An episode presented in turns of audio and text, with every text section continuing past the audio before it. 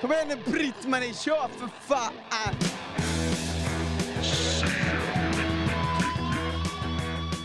Hög tid för ett nytt avsnitt av C90-podden och det ägnar vi åt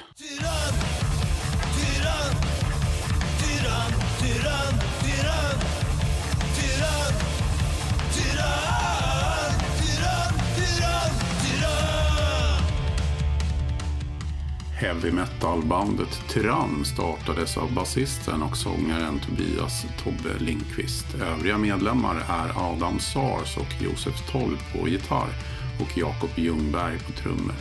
Tyrann har släppt två fullängdare, Djävulens musik och Besatt och spelade nyligen på ett utsålt Hus 7 i Stockholm vilket var bandets blott andra livespelning. Med oss i det här avsnittet av Senheterpodden har vi Tobbe Lindqvist och Josef Toll. Nu eh, tror jag att många av C90-lyssnarna eh, känner till er, men jag tänkte ändå att ni, eh, det är kul att få en liten presentation från er själva, för de som kanske inte vet eh, vilka ni är. Yes. Eh, ja, jag heter ju Tobbe i alla fall och eh, sjunger och spelar bas i Tyrann. Eh, ja, det är ungefär det. Du har ju varit med i en del andra Ja, alltså jag och Josef har ju spelat tillsammans jävligt mycket sen eh, 2002 tror jag, så att det är nog, vi firar 21 år i år Ja jävlar. som Mm. parhästar. Ah. Men eh, eh, framförallt har jag väl spelat genom åren i Enforcer och eh, jag har även spelat i eh, CC Company tillsammans med Josef och eh, hållit på med ett projekt som heter Terminal. Eh, och vi höll ju på i början, spelade vi Corrupt tillsammans, jag och Josef. Så vi har, vi har några, några band under bältet. Det blir ett ganska stort om man ska göra ett sånt här träd med alla band och medlemmar och så här. Ja precis, det vore kul. Det blir ett stort träd med jävligt få rötter. Mycket Ja. grenar. Ja, Josef då? Eh, ja, det är ju samma då som Tobbe. Ska se om jag ska ta fram mitt CV här. Se om jag får jobbet. Nej men eh, jag har ju spelat i Enforcer också ja. Och eh, förra gången jag var med i podden så pratade vi om eh, Void som var Black Trip tidigare. Och då så just då så var jag sessionmedlem med Merciless tror jag. Ja, nu spelar jag med Tribulation. Robert Persson har jag spelat med. Vi har ett band som heter CC Company ihop. Eh, ja, det är lite så. Det händer grejer. Ja. Eh, mycket Arvika i, som har, eh, måste man säga, gjort ett stort intryck på den svenska hårdrockscenen. det, ja, det men måste det, man väl ändå kunna en, konstatera. en del säger det. det, det folk säger det. Eh, men det, jag vet inte hur, eh, liksom, hur sant det är tänkte jag säga. Nej. Fast det är ju liksom, jo men i den eh, eh, kretsen som vi rör oss i så är, är ju det en allmän uppfattning tror jag. Men det, det är ju också ganska underground. Ja. Eh, jag, jag, nej, jag vet inte riktigt, det är svårt. Jag har också svårt att förhålla mig till det där måste jag säga. För det är faktiskt så att folk säger det där, men jag vet inte fan, vi är ju bara ett gäng gamla kompisar som råkar spela i samma band och aldrig spela med några andra än oss själva. Så att Nej men precis. det är svårt För att ha ett perspektiv på det liksom. Folk har ju sagt så här ibland, vad är det i vattnet i Arvika typ? Eller så här, varför kommer det så mycket bra band därifrån? Och så tänker man, men det, det är ju bara åtta personer egentligen. Eh, nej men om man hårdrar det så är det ju liksom åtta personer som har format två band.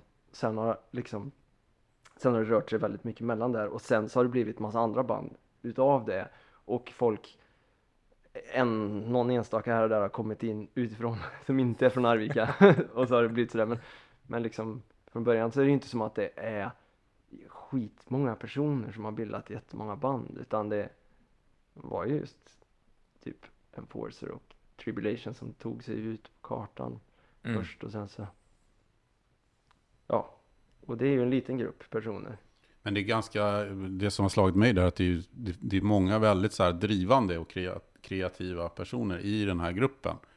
Som alla kan, liksom någon som är trummis i ett band blir plötsligt frontar andra, typ som, Mm, Jakob. ja, Ja. eh. Second Sun. eh, Och ja, men även, det verkar som att liksom någon som är trummis i CC Company, sångare i, alltså det är Ja. liksom det. Ja, det fanns Alla har driv på något sätt. Jo, men jag tror också det där, det är kul för att det känns som att många av oss är liksom inte så här äh, instrumentalister eller liksom instrumentnördar eller så här riktiga virtuoser, du vet.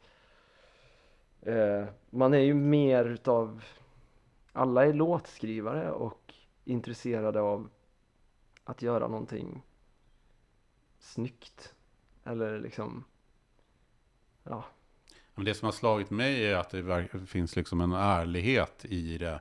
En, eh, vad ska man säga, en, eh, någon slags, eh, det är något ord jag letar efter, genuint Mm. i det. Att man, man har alltid gjort det man själv vill göra och tycker är bra. mm, Det har inte varit så här att ja, men vi, jag är bara med här och lirar för att de vill lira det. Eller vi ska göra en skiva för vi vill bli Europe. Eller vi vill bli Guns N' Roses. Eller så här. Det kanske man har när man är kids sådär. Men ja visst. det är inte det som har varit driv. Nej, nej precis. Och det är ju kanske en nyckel till att man eh, jag jag vill inte säga lyckas för det känns inte som liksom på något, eller men ja, att man ändå har kommit dit man har kommit liksom på något Mm. sätt. Eh, och att man fortfarande håller på. Eh, Och kanske en nyckel till att folk tycker, eller överlag det folk gillar med musik och som folk, alltså eh, folk gillar ju genuin musik. Hör man att det är folk som menar det de gör så eh, har man ju större chans att göra något bra, mm. tror jag liksom. Och det är väl ingen av oss, det kan man i alla fall inte beskylla oss för att vara trendkänsliga, Nej. det får man ju inte. Nej, men det- med Corrupted, det låg vi, så, vi låg så jävla fel i varje trend, det var, så, det var ganska kul i efterhand. Vi, vi liksom missade första trashvågen och sen släppte vi plattan precis när det dippade och sen kom det en ny trashvåg och då la vi av, typ. Det har jag aldrig riktigt tänkt på men det är sant det. Vi Liksom. låg så helt precis i osynk med, Ja, med resten av världen. Det var ju bra med facit i hand tror jag. ja jävlar. Ja, ja det är det. Men eh, Tribulation då är ju en ga- C90-favorit som har varit med återkommande. Hur är läget där nu? I- Med Tribulation? Ja, Eh, vi höll ju på, vi ska göra en skiva nu. Ehm, I början på nästa år. Så att det, vi sitter och skriver. och det är ju första gången du är med från början på en Ja. platta så. Det är det. Vi gjorde ju en EP som vi spelade in förra året som släpptes i våras. Mm. Som jag var med på. Eh, men det här blir ju första hela skivan liksom. Mm. Eh, så det, det är skitkul nu när vi har kommit igång med börjar se liksom vilken riktning det tar. Eh, lite grann Mm. sådär. Eh, Det, det blev lite upphackat med pandemin och så, men det, det blev, ni hann ändå turnera en del på, på plattan. Alltså den förra. Ja, precis. Ja, det kan man ju säga att den cykeln egentligen är slut nu. Eller det blir väl kanske några spelningar till Mm. på den. Ja. Men ja, eh, lite hann vi med ändå. Ja. Hur har det varit och, och hur var det och liksom, du, det är ju gamla polare, men det var ändå, kan jag tänka mig, en, en eh, om, vad ska man säga, speciell grej och komma in i bandet. Ja, men det var, det var kul för att liksom eh, det kändes så jävla naturligt när vi gjorde första spelningen. Eh, Adam var ju med i Enforcer också, så vi har ju stått liksom bredvid varandra som gitarrpar hur mycket som helst. Eh, och jag har spelat jättemycket med Jonke också. Så, här, så att när vi stod på scen första gången tillsammans så var det liksom bara som att, ja just det, vad fan. Det, är- det är ju så hemma. Ja. Eh, det var inget nytt så liksom. Kändes väldigt naturligt. Så att, ja, det, det är mycket man liksom har, eh, vad ska man säga, redan betat igenom. Till skillnad från om man börjar helt från scratch i ett nytt band liksom. Man vet. Man känner alla på ett musikaliskt plan och personligt.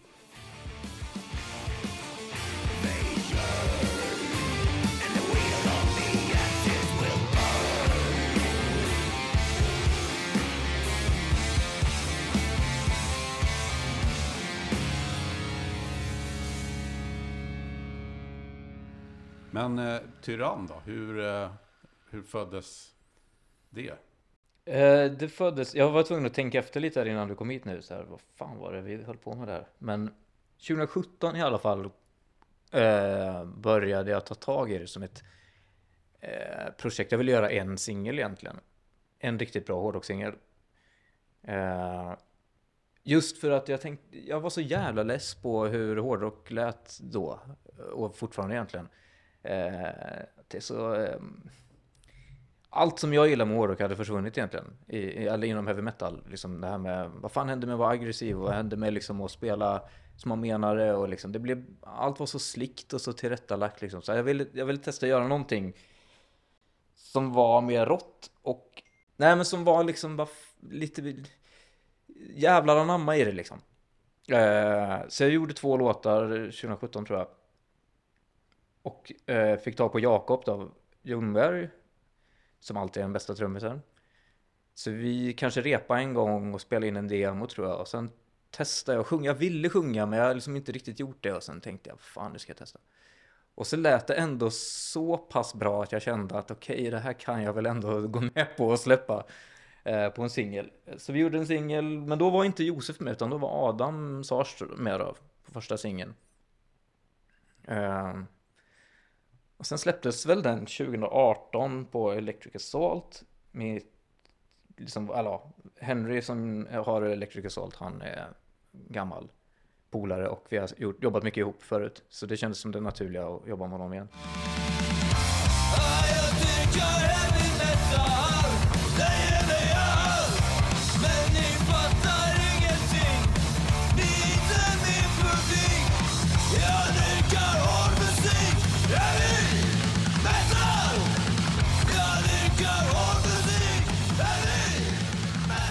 Uh, och sen vet jag inte, det tog liksom lite fart med den singeln. Den, Den, den sålde slut direkt och liksom det blev lite, lite, um, ja men det verkade som vi hade hittat rätt och det var jävligt kul. Och lira ihop med gamla kompisar igen och liksom testa något nytt. Så att då skrev jag en platta egentligen nästan av bara farten. Mer eller mindre i alla fall. Uh, jag hade ett jäkla flow där också. Det var under pandemin så att jag hade liksom inte så mycket annat att göra. Eh, och sen, ja, då fick jag med dig på tåget där. Ja, Eh, tro, eller fan, jag kommer inte ihåg. Nej, vi hade nog spelat in alla trummor och all bas. du, precis. Då hade Adam flyttat. Han kanske inte hade riktigt tid och möjlighet att spela in. Nej, så var det nog Det ja. var väl inte så här, det, ska du vara med i bandet? Nej, det var Ja inget eller nej. band heller riktigt så. Utan det var ju mest att du behövde någon som spelar gitarr på skivan, Ja. känns det som. Om jag liksom kommer ihåg rätt. Eller det är lite så här diffust hur, Ja, hur allting tog form liksom. Men precis, så var det. Jag skulle lägga gitarr på skivan egentligen. ja, just det. Och då hade vi, allting var klart egentligen. Vi hade spelat in alla grunder. Jag tror faktiskt vi hade spelat in det mesta av sången också. Om jag inte minns fel. Men så gjorde vi som vi, alltså det var så jävla roligt när vi började spela in den här skivan. Eh, att, för jo, ja, nu, nu kan jag tala för dig. Du är jävligt duktig gitarrist, eh, väldigt lättlärd. Så vi, jag satt nästan mer eller mindre i liksom tagningarna och visade Josef hur låten gick samtidigt som han spelade in. Precis. Eh, så jag tror vi satte liksom plattan på två kvällar eller någonting. Det var, gick hur fort som helst liksom. Det, Det var faktiskt, ja. Ja men du måste dra en rolig anekdot, men det är från andra skivan, den här nya. Tror jag. Och jag kommer inte exakt, jag tror jag vet vilket parti det är, men jag ska inte svära på det. Men det finns ett parti på skivan som eh, jag spelar för första gången. Och det är den tagning som är där. Mm. Och jag sitter eh, med Tobbe mitt emot mig och så eh, säger han liksom så här, och så ner till C. Okej, och så ligger man kvar där. Och nu ska du ner till A. Okej, och så du vet. Det är första gången jag hör det, första gången jag spelar det. Och samtidigt så kommer Jonka in. Eh, för att liksom komma och ta några bärs på kvällen bara. Så det är första gången han kommer in för kvällen. Så att vi liksom ah tjenare, fan, ah, hur är läget? Liksom, samtidigt som jag fortfarande spelar och har Tobbe i andra örat som säger upp till det, okej. Och, så, och så satt det ändå liksom. ja, den tagningen är Ja, på skivan det är faktiskt. inte det svåraste riffet på skivan kan jag säga, men, men ändå, det är jävligt kul att det är där. Det säger någonting om nivån på inspelningen också tror jag. Det är, det är väl... Det är också det jag gillar lite med Tyrann. Jag, fan vad trött jag var på liksom eller är, på den här studiovärlden som är nu för tiden. Att allt ska ligga så, så jävla tillrättalagt och det är så mycket klick och det är så mycket jävla matte och siffror och alltså, palla inte. Det är mycket roligare att spela in så här. Det får vara lite som det är liksom. Och det behöver inte vara så jävla noga hela tiden. Det är någonting jag har saknat med musik faktiskt. Mm. Det, det ligger väl lite någonstans i eh, den typen av hårdrock. Att det ska vara, om man ser Det till... ska ju ligga någonting, nu börjar jag skrika här, sorry. Det ska fan ligga någonting i det i alla fall. Men det gör ju inte det för folk. Så arg så du börjar skrika. Nej men ärligt talat alltså. Det är klart det ska göra det. Det är klart man ska sätta en tagning som är bra, som har feeling och känsla. Ja men då tar man ju den tagningen. Nej, jag missade ett virvelslag. Jaha. Men fan bryr sig om det liksom? Jakob han är ju rolig. Han, det- tog längre tid att micka trummorna än att spela in A-sidan. Det är precis den känslan jag vill ha. Eh, och basen, den är väl ganska slarvig då. Men det är, det är bra. liksom. Vad fan, ja.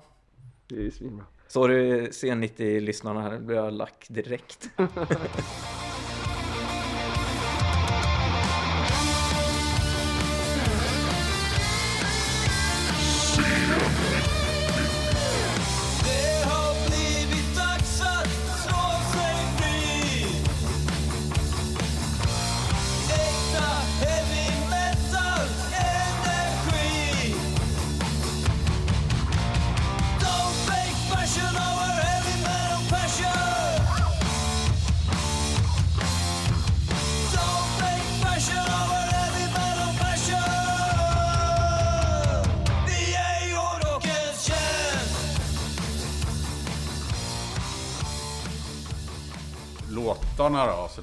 något som drogs ihop ganska snabbt eller var det sånt som hade?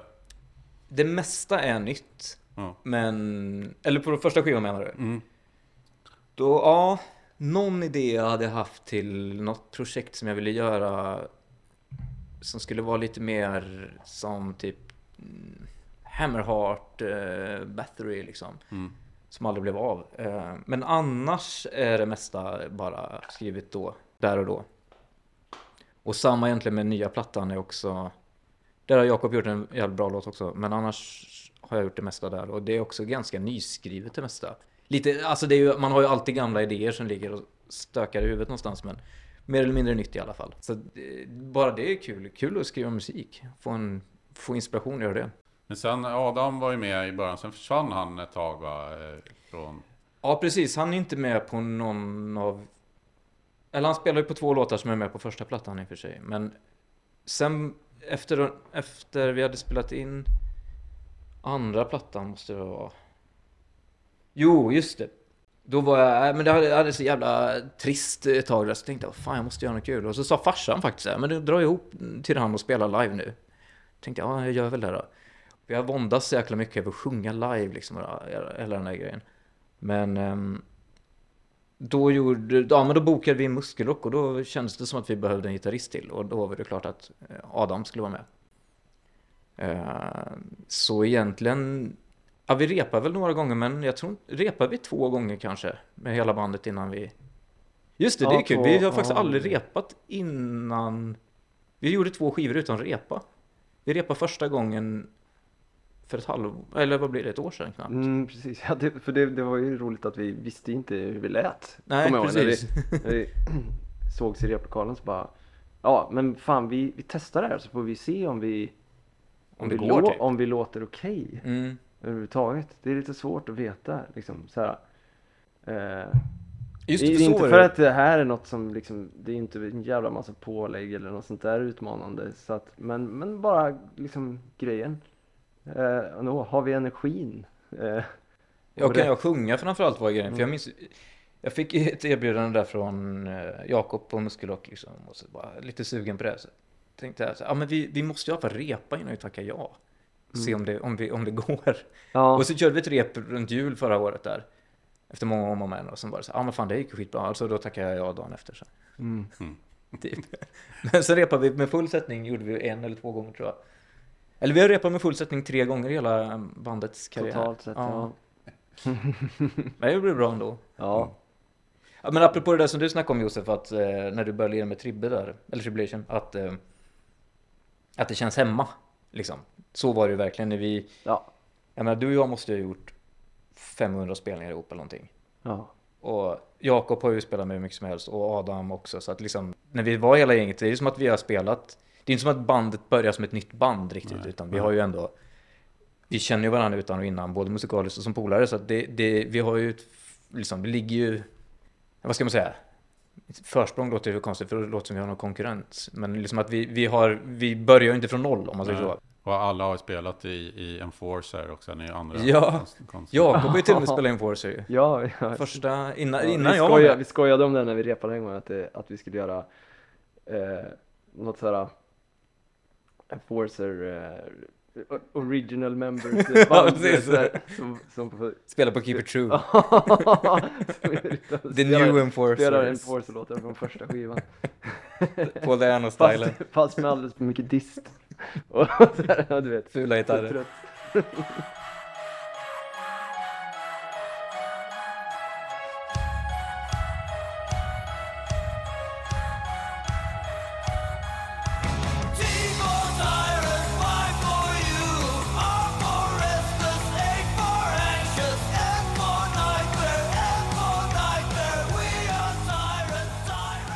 Första livespelningen då, det var väl jävligt bra respons.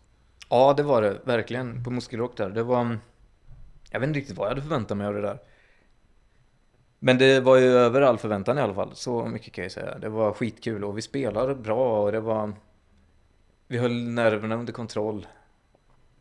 Nej, det, var, det, var, det var verkligen... Eh, bland de roligare spelningarna jag har gjort personligen i alla fall, måste jag säga. Eh, Genom åren. Muskelrock-giget? Ja, Ja. Det var Ja, skitroligt var det. Verkligen. Ja, det, ja, vilken liksom eh, surprise att det var så jävla bra respons. Ja, ja det Visst, var man helt inte galet. heller, Man har börjat förstå att liksom, ja men folk är taggade på det här men att det var så jävla singelång och, och Mm. bara sålde skivorna på nolltid. Det var jävligt kul. Men det som eh, slog mig när, med första skivan var också med texterna, att det fanns Mm. liksom jävla hjärta i eh, som inte är så alltså, jättevanligt. Och framförallt inte på svenska också när det är liksom hårdrock. Men att Mm. det, det funkade jävligt bra, och, men och skön också mix. Att man liksom tar in engelska fraser som typ Don't make eh, fa- fashion of our heavy metal passion och Burn with Mm. me och allt det där liksom. Är Tyrann ett band som sjunger på engelska eller svenska? Svenska. Ja, Ja, jag skulle säga det, men ja, Vad fan, det är 90% svenska ja ändå. men det är det va? Ja, Ja. eller det tror jag väl. ja. man blir så här nyfiken på hur man uppfattar det. Ja, jo men det, vad fan. Jo. Jo, men dels också för att det är så ovanligt ju. Mm. Hårdrock på svenska ändå, måste man ju säga. Mm, jo men det är det väl relativt i alla fall. Men, eh, och många har väl tyckt att det, inte funkar liksom. Att det är sånt, men... eh, Men de har fel. Ja, och det, det, har, Ja, det finns ju men det är andra... ju också vågat. Så här, att man skalar ju bort en jävligt stor procent av potentiell publik såklart. Mm. Så det är väl det. Men, men Fast det, både ja och nej ska men- jag säga på den. Ja. Ja, men precis. Just i det här fallet så tror jag inte att det är så då. Nej, jag tror att det är tvärtom. Ja. I den här äh, märkliga... Men, men bara anledningen till att det kanske inte finns, att det inte är så jävla vanligt. Mm. Eh, men här blir det ju en bra grej av det.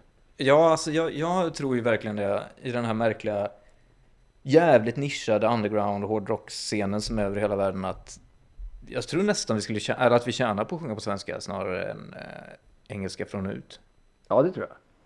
Eh, vad, om, men nu bryr väl inte egentligen vi oss om att nå ut så, men liksom det, det ligger oss inte i fatet och till en viss nivå. Vem ska man upp på en högre nivå, då måste man ju komma på engelska såklart, men det skiter vi i. Vi vill inte upp på någon nivå som är så. Nej.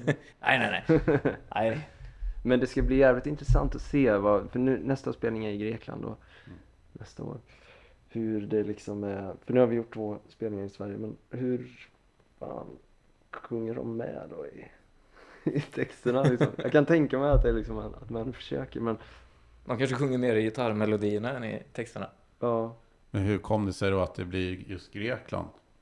Ja men vi där, det, det är bra, bra marknad. Vi, vi har ju spelat där jättemycket ihop. Eh, Vi, först med en Forcer har vi varit där och eh, vi har åkt dit med CC Company. Vi, vi började spela där med en Forcer tidigt, 2009 tror jag. Och liksom inte att vi breakar kan man väl knappast säga, men vi, vi liksom... Det var ju bättre där än på alla andra ställen. Ja, alltså, vi hade bra- så var det absolut vårt största headline-gig vi hade gjort då. Eh, Och vi hade en bra kontakt där, Greg som bokade oss. Och det är samma snubbe som har bokat oss i alla år. Det är han som bokar oss nu också. Eh, så han tog dit oss ganska mycket. Så vi har väl liksom, som jag sa innan det här, men vi börjar ju inte från noll riktigt. Utan folk vet ju vilka vi är därför att vi spelar i andra band och sånt där liksom. Mm. Eh, så det kändes ganska, vi, det var en grej som vi ville göra och, och spela i Grekland för att det, det är så jävla roligt att vara där liksom. Hur, hur, hur går planerna i övrigt då? Hur, hur skulle ni, skulle ni vilja spela mycket eller? Fyra, fem spelningar per år ungefär. Okej, ja. eh, ligger väl ungefär tanken liksom just nu i alla fall.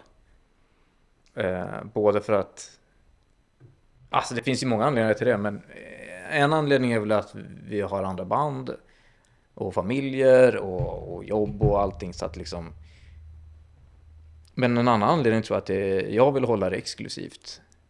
Jag har, jag har ingen lust att kuska runt och köra tre veckor som förband till något jävla gäng i Tyskland. Det finns ingen anledning om man kan göra en spelning per år i Tyskland och den är skitbra. Då gör jag hellre det. Mm. Spela har vi gjort förr. Men nu vill jag göra, som jag ser det i alla fall, göra liksom de roliga grejerna. Som känns ehm, ja, men meningsfulla för en själv eller någonting. I den stilen. Ja men som åka ner och spela i Grekland till exempel. Det är ju jävligt roligt för att vi, vi har varit där så mycket och, och det är en scen som vi gillar. Ja men då vill man ju spela där. Men att spela två veckor i Tyskland, det har jag fan ingen lust med med det här bandet i alla fall. Och det här med att ha kul också, gigget som var på hus 7 där vid Mm. eh, Slaktkyrkan i Stockholm. Det, det kan jag tipsa alla om att gå in och kolla på YouTube. Nej, det var, det var ju faktiskt ännu bättre. Nej, jag vågar inte säga så. Eh, om, jag är rädd att trampa på muskelrock eh, publiken, för det var ju så jävla bra på muskelrock. Men det är frågan om det inte var liksom ännu ösigare sist alltså. Mm, jo, det var det nog Eh, faktiskt. Eller liksom ännu mer, jag, jag var nog ännu mer eh, överraskad tror jag. Eh, över att det gick att göra ett sånt gig i Stockholm. Stockholm Mu- Muskelrock är ju alltid Mm. fantastiskt liksom och så här, man vet vad man väntar sig där men att det här att det gick så bra och var så ösigt där det, det var verkligen så jävla kul. Ja, men fullt ställ redan så andra låten nävar upp och liksom hej och så här. Ja. Och Mm. precis som du säger, Stockholm kan ju vara lite så här. Ja, jag har alltid de tyckt här, att det är jobbigt att spela i Stockholm faktiskt. Ja men alltså Eh. det är så här, fan kul att känna att det känns som att det är någonting i luften nästan. Mm. Att det är så här eh, det här är inte något, vi vet inte vad vi ska vänta oss. Folk vet inte vad de ska vänta sig heller. Nej. Fan, är vi ens bra live? Det vet de ju inte. Nej, precis. De vet ju inte det. Hur låter vi? Ja. Så det känns, det är spännande verkligen så. Ja, men den där lokalen är ju rätt skön. För att den är, ser ju liksom egentligen för jävligt ut. Så här, hu- hus 7. Ja, Men- faktiskt. det är lite både och så. Men det, det finns ju charm i det där Mm. också. Liksom. Ja, jo. Det, det ser lite coolt ut med den här plåten. Ja. Ja, jag var positivt överraskad faktiskt att spela där. Det var... Man behöver ju fler sådana ställen i Stockholm runt den liksom, kapaciteten, tänker jag. Mm. Den storleken liksom. ja. Mm. Men ni sålde ju slut direkt alltså. Det gick ju inte att... Den Ja. spelningen. Det gick Ja. fort faktiskt. Några, ja, jag kommer inte ens ihåg. Men det, det tog några, någon, några veckor typ, Okej, så var ja, den ja, ja. slutsåld. Och det, var, det är ju inte heller någonting vi hade räknat med liksom. Eh, egentligen. Inte att det skulle gå så fort liksom. Och det var ju folk fan från Turkiet och Mexiko, och Polen och Finland och alla Det möjliga är ju så liksom. jävla coolt. ju. Jag fattar inte vad, liksom, vad, vi har lurat i folk här egentligen. Men, nej men det var, det var kul, det var som att det var en speciell känsla runt den spelningen redan från början. Och sen hade vi också, vi spelade med Century, våra polare då, som är definitivt ett av världens bästa hårdrocksband just nu. Och vi släppte en splitsingel tillsammans med dem, för de ligger på samma skivbolag. Det var egentligen så den här spelningen kom till. Jag och Staffan i Century, vi satt och drack bärs och snackade om att vi borde göra en split. Och så skickade vi en bild till Henry på skivbolaget och han blev så jävla taggad på det där så att Sen blev det liksom, ja men ska vi göra en split måste vi nästan göra ett gig. Och sen, ja. Så så föddes den idén tror jag från början. Så den hade vi också på den spelningen då, den, alltså själva skjutarmarm. Och det är också roligt att göra, det är någonting jag också vill göra med Tyrann mer, att vi gör någonting exklusivt för varje spelning eller någonting som är kul, som händer runt omkring typ. Mm. Släppa en, en specialutgåva av någonting för att man gör en spelning eller ett t-shirt-trick som bara finns på den spelningen eller något sånt där. Eh, Jag tyckte det var jävligt roligt val av cover också, som ni gjorde. Alltså, Alltid rätt, alltid rätt. Ja. Ja. Gammal Imperiet. Mm. Låt, för det är vänt, för man förväntar sig kanske någon gammal hårdrocksdänga liksom så. ja, men det har folk gjort förut tänker jag. Ja, Eh, sen är ju det där, så lyssnar man på den så är det ju en rock, hårdrockslåt typ Ja. egentligen. Rent formmässigt och ackordmässigt och sådär. Men den låten, alltså fan jag... Jag var så inspirerad när jag började sjunga, så var jag jävla inspirerad av Thåström såklart. Eh, så jag ville liksom göra den låten, men varje gång jag hörde den så bara tänkte jag, fan det går ju inte, man kan ju inte sjunga Thåström, det är ju helt omöjligt. Och så spelade jag in skiten och sen, det var så ja ah, men det är rätt bra. Och så lyssnade jag på originalet och bara, nej det är så jävla dåligt. och sen hade jag inte hört originalet ett tag, bara, fan men det här är rätt bra. Och så, nej jävlar. Varför, varför, varför tror jag att jag kan sjunga den här? ja. Men nu lyssnar jag inte på någon av låtarna. Helt enkelt.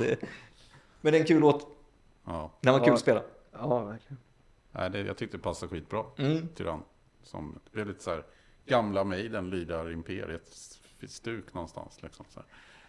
Ja, men jag skulle nog vilja säga att det finns mycket Imperiet och punk och ganska mycket pop i, i Tyrann överlag. Kanske inte att gemene man skulle tänka på det, men som om man hör eh, refrängupplägg och, och melodier och sånt så är det mycket den typen av musik som inspiration till Tyrann snarare än kanske Maiden och Saxon Priest. Det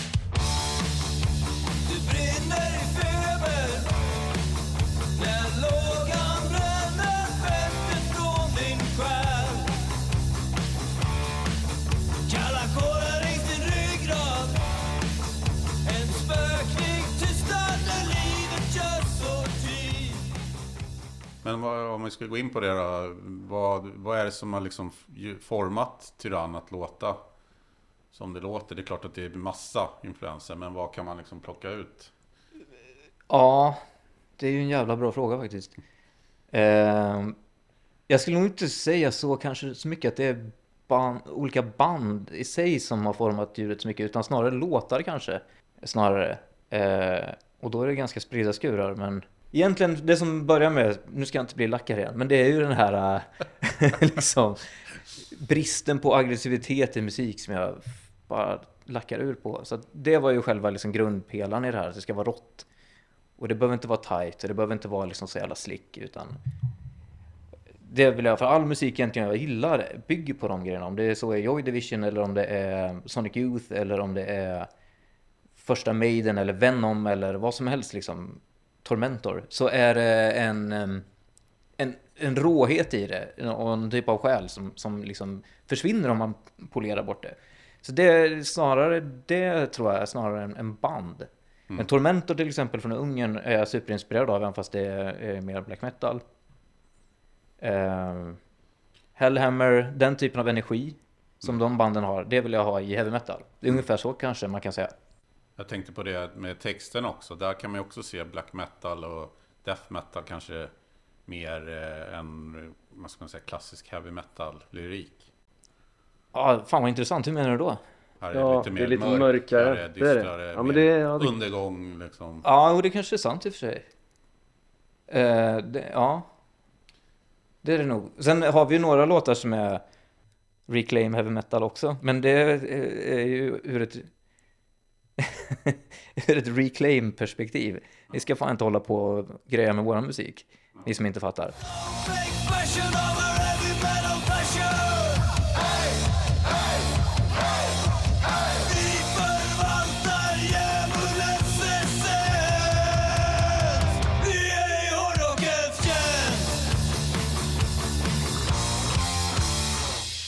Men det kanske också, alltså det är svårt att skriva på svenska. Det är en väldigt tunn linje mellan att det är skittöntigt och att det är ganska bra. Och har man tur så blir det bra ibland. Skittöntigt, eller ganska bra. Det är bra. Ja, men alltså, det är, det är, alltså med, med, på engelska kan man ju alltid rimma på fire och desire och night och fight och sådär. Så, äh, det låter okej. Sådär. Men svenska, det är svårare att komma undan alltså. Och det, därför är det mycket roligare också. Ja, men om man tar en- den som typ Don't make fashion of Mm. mm. passion. Som det, så här, ja, men det är mycket reclaim liksom och så. Men det, det är ju så här små, små grejer tycker jag som avgör om det blir Mm. jävligt snyggt eller om det blir lökigt. Mm. Och det kan vara så här små formuleringar som jag tycker är jävligt bra. Som typ så här äkta Upplands Väsby sympati. Ja, just det. Sådana där som är så jävla klockrena som man bara, fan det här är... Fattar man så fattar man. Ja. Det är ju lite grejen där kanske. Så att det, nej, men där tycker jag lyckats jävligt bra. Tack, tack. Det jag kan fatta att det inte är lätt.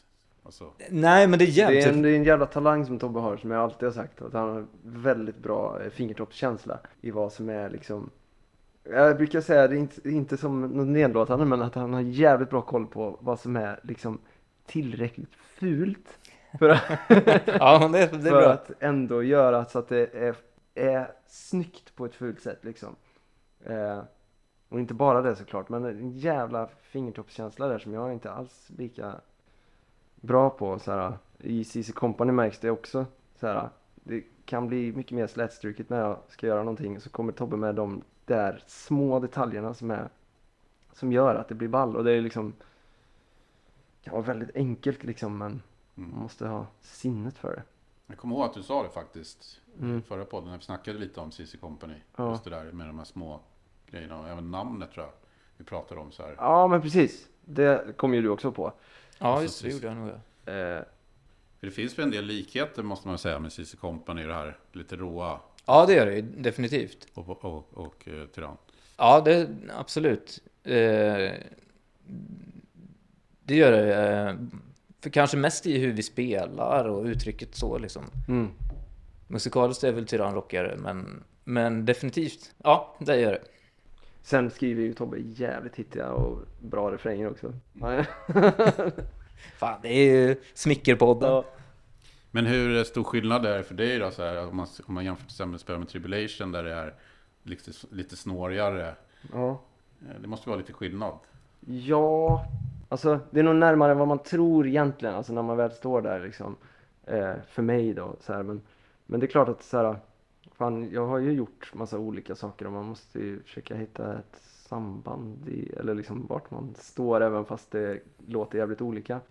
Sådär, så att jag, jag, jag känner inte att att det är sådär jättestor liksom skillnad på det som, som jag tror att folk skulle kunna uppleva det som. Alltså man är ju i samma eh, liksom, Bubbla. ja, i, i, sitt, eh, i sin trans på något Mm. sätt. Sådär liksom. Men visst med lite olika typer av, eller liksom vart man riktar sin energi kanske. Mm.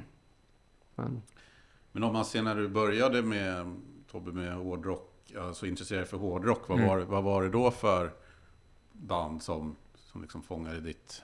Eh, det, var, det var ett blandband med Guns N' Roses och Metallica när jag var fem eller fyra, fyra, fem bast tror jag. Med Ride the Lightning och på ena sidan så var det Lies med Guns N' Roses på andra sidan. Och sen dess så...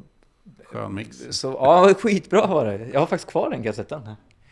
Eh, där, där förändrades ju livet. Jag kommer fan ihåg när jag hörde Ride Lightning, vad heter den första låten? Fight Fire with Fire. Jag fattar bara inte att det fanns musik som lät så liksom. Det var så jävla extremt. Ja, men sen, sen var... Farsan gav mig liksom så här klassiska rockskivor när jag var liten. AC/DC och lite sånt där. Eh, och lite Guns och sånt. Men eh, sen både jag och Josef är gamla skatare liksom. Så att där... Det är ju det bästa, absolut bästa sättet, speciellt innan internet liksom, att få musik, ju, var ju att vara skatare och kolla på skatefilm. För varje skatefilm var ju som ett blandband med allt från Slayer och Misfits till Wu-Tang och, och Mm. James Brown och Janis Joplin, vad som helst liksom. Så att man fick jävligt mycket musik till sig från det, från skatefilmer.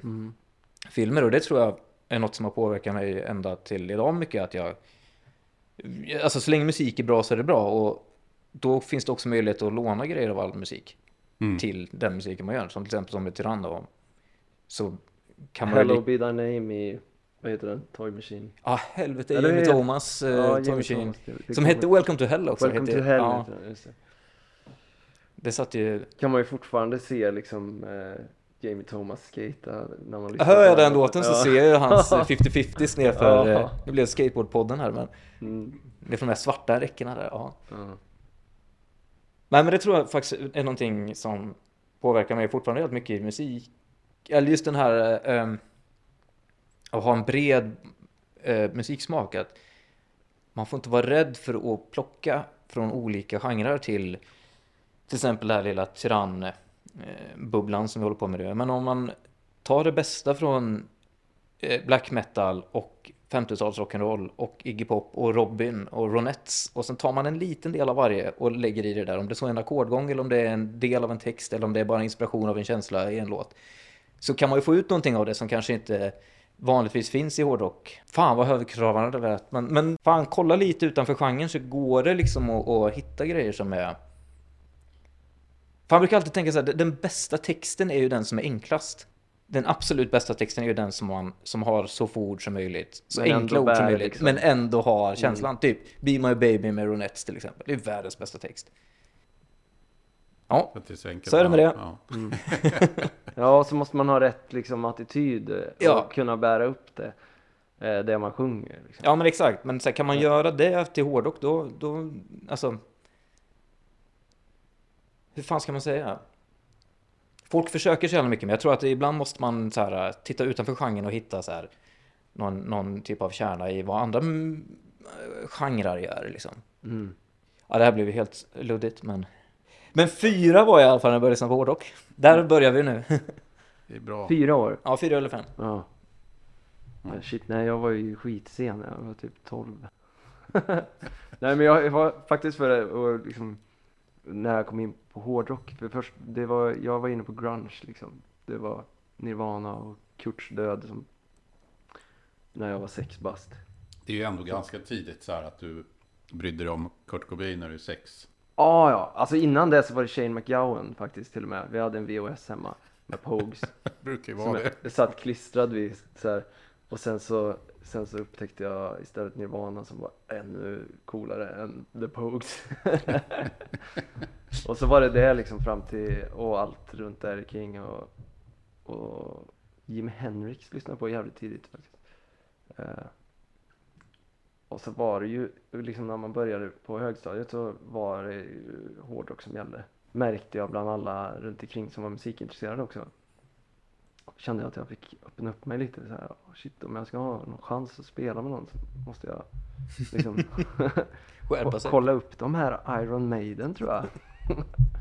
Men det är väl det som var också kanske lite, inte unikt men ändå, eh, ska man säga, betydande kanske för er att många i, som är i samma generation som ni, kanske lyssnade på annan, plockade inte upp Iron Maiden. Det var det, de hade ju liksom redan haft pikat när de var som bäst, alltså den stora hårdrocksvågen som kom då med Precis. Judas ja, men det är Priest. ju liksom inte alls sannolikt egentligen att vi skulle Ja, det är det jag menar. Eh, Mm. Och ännu mer så här, alltså Maiden är ju svinstora men att man blev så insnöad på tysk trash till exempel. Mm. Och liksom var, var kom det ifrån? Jag vet, alltså jag vet en snubbe som heter Micke Wennbom var jävligt framkant på det där. Men flera andra också. Att det var så jävla hett i Arvika. Eh, och bland, för oss då, men liksom att ha stretch 10 pers då. jeans, stretch jeans och jeansväst eh, såhär 2001 Ja. var ju jävligt eget. Liksom. Men det var fan det som gällde. Eh, så att, ja, ja. Men där har vi en, alltså det är väl liksom en del av nyckeln till att man fortfarande håller på, att man bara körde på sin egen väg så jävla hårt. Jag tror man hade kunnat bli rätt knäckt av att försöka ge sig in i mainstream-branschen. Då kanske man hade gjort något annat. Liksom. Ja.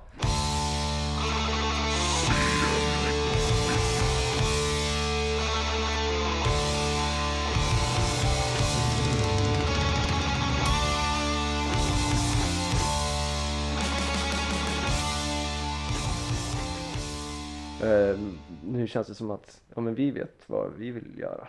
Det spelar ingen roll om folk tycker om det. Så det, Och det känns ju som att alla i den här kretsen är gamla polare. Jag som är ut, helt utifrån men får ändå känslan att det är något gemensamt hos er alla. Ni har det där liksom. Det finns någon säkerhet att man... ja. Ja, alltså, det tror jag absolut att det är en säkerhet, men också att så här, vad fan, vad ska man göra annars då? Ja.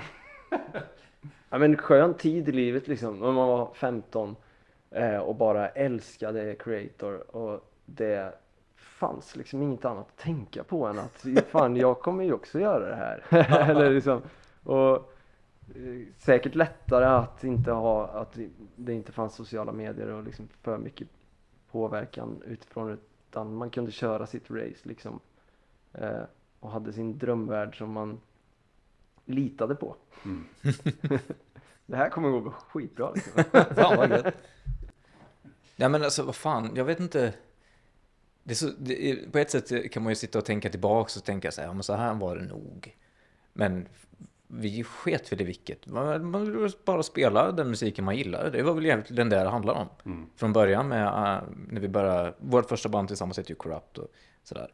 Vi ville ju bara spela den typen av musik. Sen var det väl inte så mycket att man tänkte på något annat egentligen. Det- Jag tror att det är lätt att sitta och romantisera lite så här, att man tänker tillbaks. Men vi, ha- vi kanske hade tur också och börja spela en genre som faktiskt gick att spela. Det hade varit värre om man skulle låta som Mando Guns N'. Roses eller Mando Diao. Ja. Nej men alltså. Ja, men just då, eller liksom så här, för det, ja, det är svårare att klättra på den stegen än att liksom ta sig upp till någon slags nivå inom någonting som är väldigt underground liksom.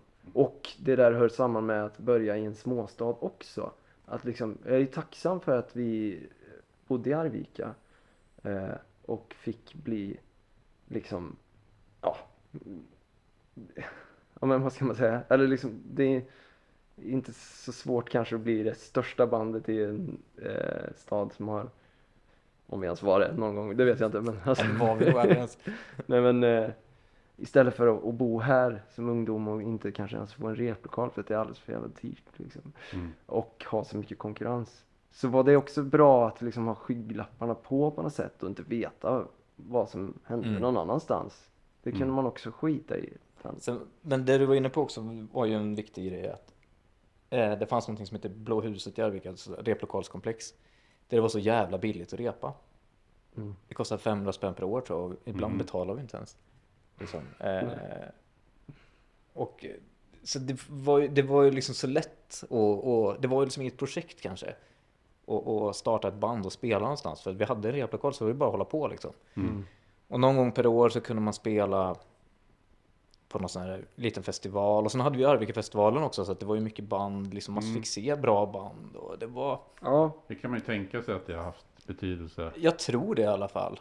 Och vi hade en skitbra skivaffär där man liksom kunde hitta en massa bra musik och liksom det, var, det fanns ganska bra förutsättningar för att göra någonting med musik och en musikhögskola också för den delen. Så det var liksom för att vara en liten stad så var nog Arvika ganska bra tror jag. Det fanns mycket musik liksom i stan. Men just det där med att hur lätt det var för oss att dra och repa. Att man hade en replokal man kunde vara i dygnet runt typ. Eh, som inte kostar någonting. Då är det ju Mm. det är en ganska bra grogrund för att kunna göra musik. Det var inte som att man var tvungen att boka in sig och kunna repa 30 minuter en gång i veckan. Utan det var ju bara att vara där.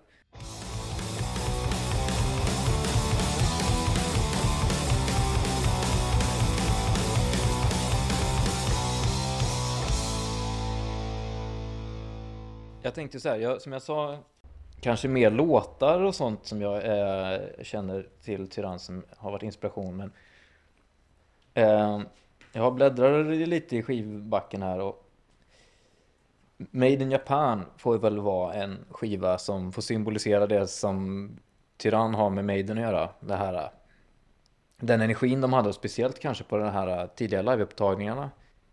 De spelar, det är ju knappast vi då i och för sig, för det är helt enkla låtar. Men de spelar hela tiden på sin, höjden av sin förmåga hela tiden. Det är ju någonting jävligt ärligt i det som jag gillar. De, de ligger liksom hela tiden och pushar sig själva. Eh, och det gör ju inte vi då i och för sig. vi spelar så jävla enkla låtar. Men den, den energin som det framkallar är någonting jag gillar Ja, jävligt mycket. Det betyder ju att, att vi är så pass duktiga så att vi inte behöver ligga där. där. Nej, att våra låtar går så jävla... De är så enkla. Nej, men den energin som Maiden hade 80, 81, 79. Det är någonting som är, som är, är jävligt inspirerande tycker jag. Och också som de var som band på den tiden. Att de liksom... Stort jävla långfinger till alla andra. Och att de tog sig an musikbranschen på ett sätt som jag tycker är jävligt inspirerande. Därför har vi Made in Japan här i högen. Det var väl sista inspelningen med Paul Diano va? som eh, Maiden-sångare. Ja, det borde det vara. ja. Och eh, ja, det blev ju ganska stor skillnad i uttrycket. liksom när han ersattes av Bruce Dickinson. Ja, och på många sätt så tycker jag Bruce-eran är eh, liksom minst lika bra eller bättre.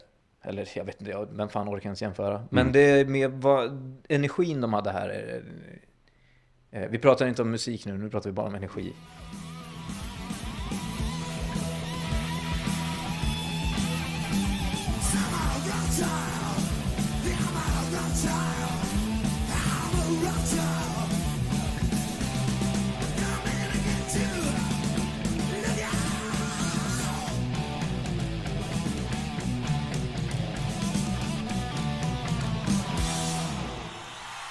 Det är ändå kul. eh, Energipodden. En grej som jag tycker är rätt rolig, tragiskt men rolig med sociala medier, det är liksom att, att folk kan sitta och ha eh, något inlägg på Facebook och så är det liksom 600 kommentarer. Och då är det 300 mot 300 som tjafsar om Paul eller Bruce. Ja, vem fan bryr sig? Det är liksom, Ja, vart ska den diskussionen leda egentligen? Liksom, hur ska den kunna ta slut? vad, vad händer med att gilla båda? Är Inte det, Ja, men det känns som att folk måste vara jävligt kategoriska. Det räcker med att någon, så här, någon Judas Priest-tråd liksom så här. Ja, nej, Screaming for Vengeance är bäst. Så här, så bara, nej, dra åt helvete så här. Defenders liksom. Folk är lacka på det. Så, Ja, ja, ja, det var lite tråkigt. att göra? Tråkig Alltså. debatt, men, men, men just Maiden är ju faktiskt, den är ju helt eh, liksom eh, jämlik. Eller det, det är så svårt att säga. Jag älskar ju båda. Det går inte, tycker jag personligen, att svara på vilken, vilken som är bäst. Det är ingen idé att tänka på det ens. Det är bättre att tänka på något annat. Till exempel den här skivan. Den får också det här är knappast bästa Misfits-skivan, Earth AD, men den får ändå symbolisera Misfits på något sätt. Eh, som alltid har varit, från, ända från skateboarddagarna, en inspiration. Och det handlar väl också mest om så här, deras energi och vad, som... liksom, hur de bygger refränger och låtar. Fy fan, alltså alla Misfits-låtar går ju wow, wow, wow. Det finns inget band jag lyssnar så mycket på där jag inte kan en enda text. Som Mis- Vem fan kan Misfits-texter? Jag tror inte ens Misfits kan Misfits-texterna. Och ändå är de jävligt korta. Liksom. Ja, de är, och, och liksom, men det är ju hooksen man, man kommer ihåg med Misfits liksom. Och det är jävligt inspirerande tycker jag.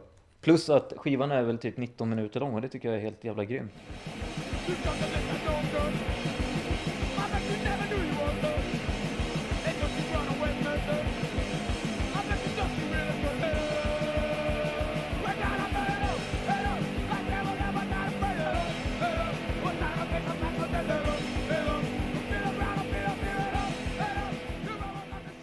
Tyrann ska aldrig göra en platta som är längre än 26 minuter. Förra skivan kanske är 26 då. Mhm. Ja, den får aldrig vara längre än 30 kan vi säga. Vi säger före, säger 30. pass. Eh, och den här plattan är väl 19 eller någonting. Eller 21 eller vad fan. Jag kan inte det här med siffror. Men eh, korta skivor, mycket bra. Jonna Quiz, som vi pratade om. Just det, Stockholmsband. Ja, Hjärtlös stad och Attack, de två låtarna är väl eh, det bästa som har hänt svensk musik någonsin tror jag. Och därför är den här skivan ett måste. Ja. Och där handlar också så här, till exempel när man lyssnar på texterna och låtarna där och melodierna, det är så jävla ärligt uttryck i det där som är som är grejen helt enkelt.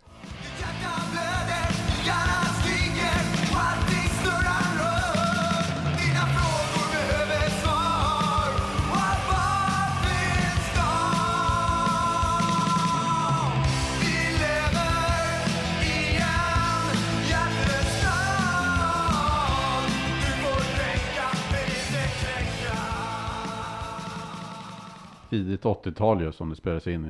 Eh, Mm. Lite konstigt namn tycker jag. alltså. Jag funderar mycket på det där namnet. Jonna Quiz. Ja. Det är ungefär som Maiden och, jag vet inte, Bruce och Paul, man ska inte fundera för mycket. Men eh, ja, Låt det bara vara. Jag vet inte, är det, Jon, är det något bibliskt kanske? Ja, kan det nog vara. nu, ja precis. Vi har eh, också i högen Dead Boys, eh, Young Loud and Snotty, också på grund av energin, hur de spelar, som att det är livet som insats hela tiden. Eh, den här, det tycker jag är den bästa punkskivan som gjorts. Och kanske inte så mycket musikalisk inspiration där heller till Tyrann, men just hur de spelar och hur de sjunger och hur den låter är jävligt stor inspiration.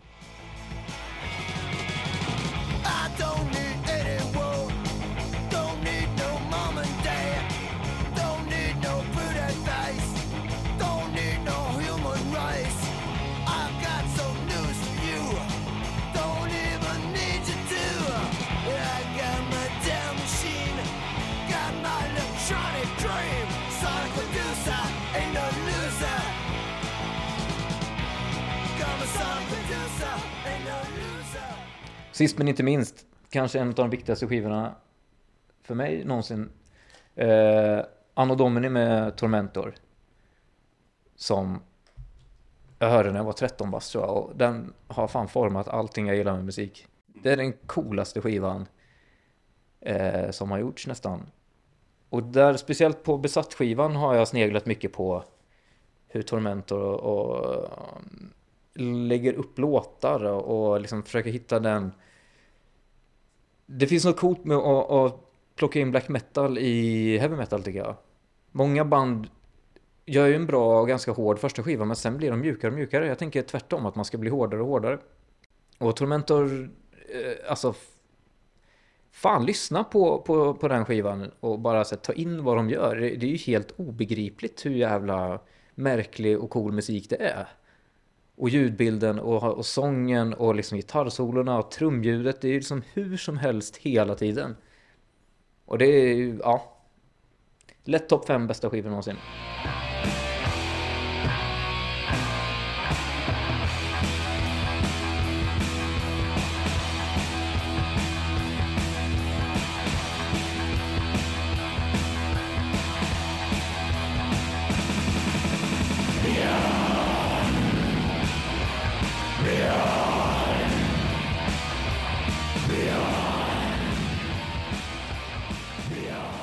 Men vi har en, skiv, en låt på nya skivan som heter Rå Energi och den är väl ganska... Eh, det finns några sneglingar åt Tormentor på den. Eh, Om vi tittar på Tyrans, eh, hur plattornas omslag är väl att det, är, det finns någonting eh, som, som på något sätt eh, lirar bra med musiken. Ja, det finns faktiskt en tanke med det här, tror det eller ej. Eh, det är också det här med det råa och enkla. Om man tänker så här, jag, min personliga eh, åsikt här är att alla egentligen, förutom Iron Maiden, så nästan alla skivomslag jag gillar har två färger och är superenkla. Unknown Pleasures med Joe Division, båda första Venom-plattorna, Gula Geten.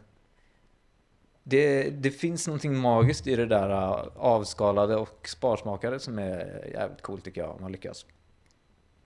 Och eh, ja, den första plattan är den här Boxa-djävulen då. Det, det var en idé jag har haft jättelänge faktiskt. Eh, eftersom att jag är boxare och intresserad av boxning i största allmänhet så eh, tycker jag det vore coolt att ha en jävel med boxningshandskar helt enkelt. Så det fick det bli. Eh, och det, ja. Men var det någon som ritade den eller hittade du bilden? Nej, det... vilken ledande fråga. Fråga vilket program den är ur istället. Okej, vilket program har du gjort? Paint. Ja, Paint. Så är det med det. ja. Baksidan. Paint. Vadå, är den AI-genererad eller? Den är fan inte AI-genererad.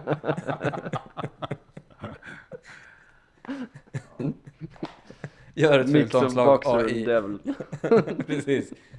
Det är det som är kul med att jobba med Electric Assault också, Henry. Att han är... Vi har jävligt lika idéer med vad som är kul att göra och görbart. Och det går tillbaka ända till Terminal som vi... Det ska jag inte prata om egentligen för mycket, Terminal. Men vi har, vi, redan där hittar vi varandra så här, uttrycksmässigt vad man kan göra med en skiva. Sista singeln vi gjorde så var liksom ledordet Let's annoy the fuck out of people. Det var liksom vad, vad vi enades om att göra. Så vi tog liksom det sämsta omslagspappret vi kunde hitta. Ingen inlay. Och ingen plastficka, inget text. Liksom, alltså ett stort jävla klistermärke på skivan som alla hatar. Bara för att liksom dra ett varv extra. Och det är samma med Tyrann också. Så här, ge kunden så lite som möjligt för pengarna var någonting vi skrattade åt. Liksom. Men det, det finns någonting jävligt charmigt med liksom, att man inte har några bandbilder. Eller att man inte har liksom ett omslag med skitmycket färg och coola grejer. Och liksom, utan det lilla... Det finns någonting jävligt charmigt i någonting som är avskalat tycker jag. Och det har jag tyckt ända sen liksom, jag började gilla Misfits tror jag. Less is more.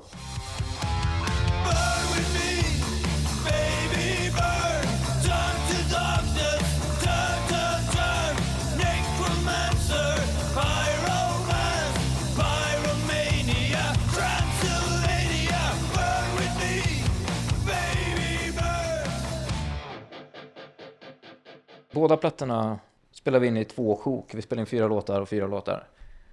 Eh, och det som är som man kan säga om Tyrann och spela in, eller egentligen spela in med CC Company och mycket som vi gjort är ju att vi har en, en snubbe från Uppsala som heter Olle Granat som har eh, som är en jävligt viktig figur i det här bandet och i många band, Second Sun och han har spelat in demogrejer till Tribulation och liksom spelat in väldigt mycket musik sista åren.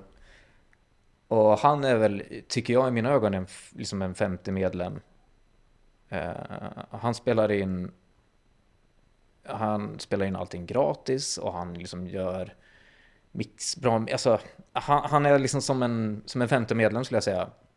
Ja, han är helt grym. Det Vi är som en liten tyrannfamilj med, med Olle och Henry från skivbolaget och Staffan från kassettskivbolaget och Jamie som kör liveljud. Det är Liksom, vi är ett lite tight gäng liksom. Men Olle har verkligen... Utan Olle skulle det här bandet inte finnas helt enkelt. Så enkelt kan man uttrycka det.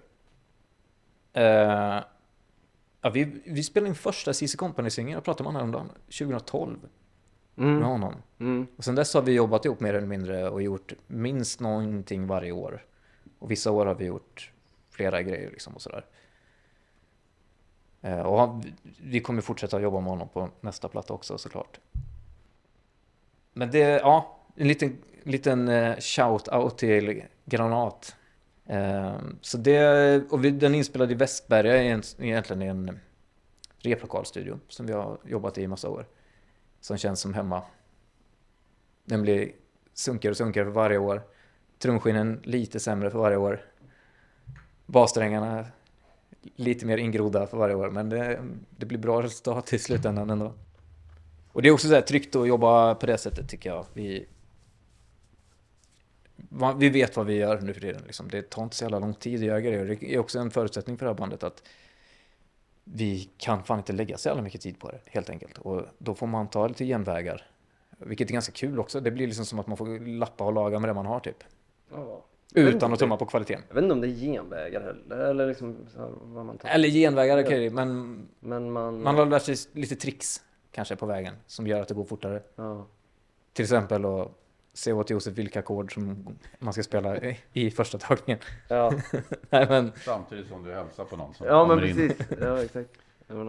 Det var en annan jävligt rolig tagning förresten, fast det var på andra skivan på den här låten som heter Omen. Det är det fulaste riffet som nästan har spelats på gitarr tror jag. Det är så jävla urbota dumt riff och när jag visade det för Josef så blev han liksom Fan, det där kan inte jag spela. Det där är så jävla dåligt. Det är så jävla fult. Fan, jag, hur Ja, fan ska det är vi på allt. Precis. Så Hur, liksom, där, där slår du fan rekord i hur fult det kan vara utan att liksom slå över. Fast det är på gränsen nästan Ja, att är- gör det, men... eh, det är på rötter kan man säga. ja. Men det var så jävla kul att stå i studion och se Josef liksom svettas och våndas för att det var så jävla fult. Jag kan spela snyggare. Ja, men du får inte. Ja. Du måste spela så fult det går. Ja, nej men det, det går, det precis det. Skulle man spela det där riffet snyggt Ja. inom situationstecken så eh, skulle det bli för jävligt också. Eh, eller då, det, då skulle det gå åt helvete. Ja, då är det, då är det världens sämsta riff Minsta lilla bend eller så här feeling i tonen så är Mm. riffet jä, jävla dåligt bara. Ja. Men, Men spelar man det så fult det bara går med så, liksom, så lite vibe, mm, så så, blir det rätt på något sätt. Fast ändå ganska dåligt. Ja. Fan var det inte, det var någon, fan var det Joel i Vampire som sa en så rolig grej att man, man skulle köra varannat bra riff och varannat dåligt riff eller något sånt där för att göra en bra låt. Jag kommer inte ihåg. Men det är faktiskt en jävligt rolig tanke egentligen att man ska ha ganska fula riff också. Mhm. Ja, bra tanke. En, lite, ja, en liten sidotanke. Jag är inte ens säker på att det var Joel som sa det, men han får ringa och säga att, att det inte var han. Om det inte var han. Men det var kul i alla fall att se dig stå och svettas med det där riffet. Mm. Och du försökte komma undan liksom. Bara, nej fan, det, du måste spela det Det fulare. försökte jag komma undan. ja, jag går nu. Någon annan får göra det. Det fick ju Adam göra live då i och för sig. Ja, Sen kommer inte ihåg hur det blev så, men bestämde det sam, eh, alltså timmen innan vi skulle spela sist. ja just För då det. vi, gjorde, vi spelade den låten för första gången här i Stockholm.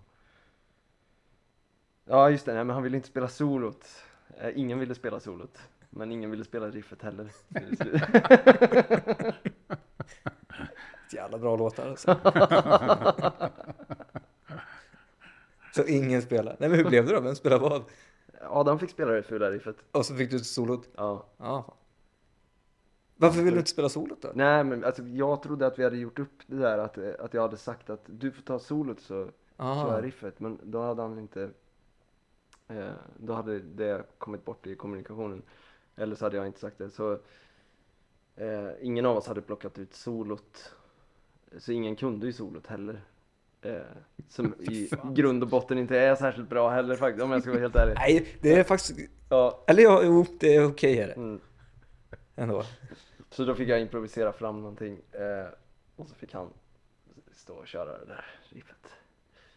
Josef la ju solot på i efterhand. Vi spelade in kompgitarrerna och sen får Josef sitta själv med solorna. För vi har kommit på genom ett par plattor och rätt många år i studion att eh, jag bara hetsar. Så Josef, det är bättre om man får göra det själv. Men då hade du försökt täcka upp det där fula riffet. Nu ställer jag honom till väggen, mot väggen där. Du hade ju försökt täcka upp det fula riffet med att lägga solot alldeles för tidigt. Mm, ja, det var inte med flit men Okej. för det, när jag fick den inspelningen så bara, fan, det skulle ju vara två gånger själv bara för att man skulle höra hur fult riffet var. Men så hade han liksom spelat gitarrsolot över där. Ja, jo det är sant. Men, men det klipptes ju bort. Ja. Så att det där riffet kom fram ändå. Ja, vi får säga till eh, C90-lyssnarna att kolla in eh, Du låten. lär ju klippa in det. ja, du får nästan göra det så att folk får höra hur jävla dåligt det är. Nej men det är fan skitbra, det är så jävla bra.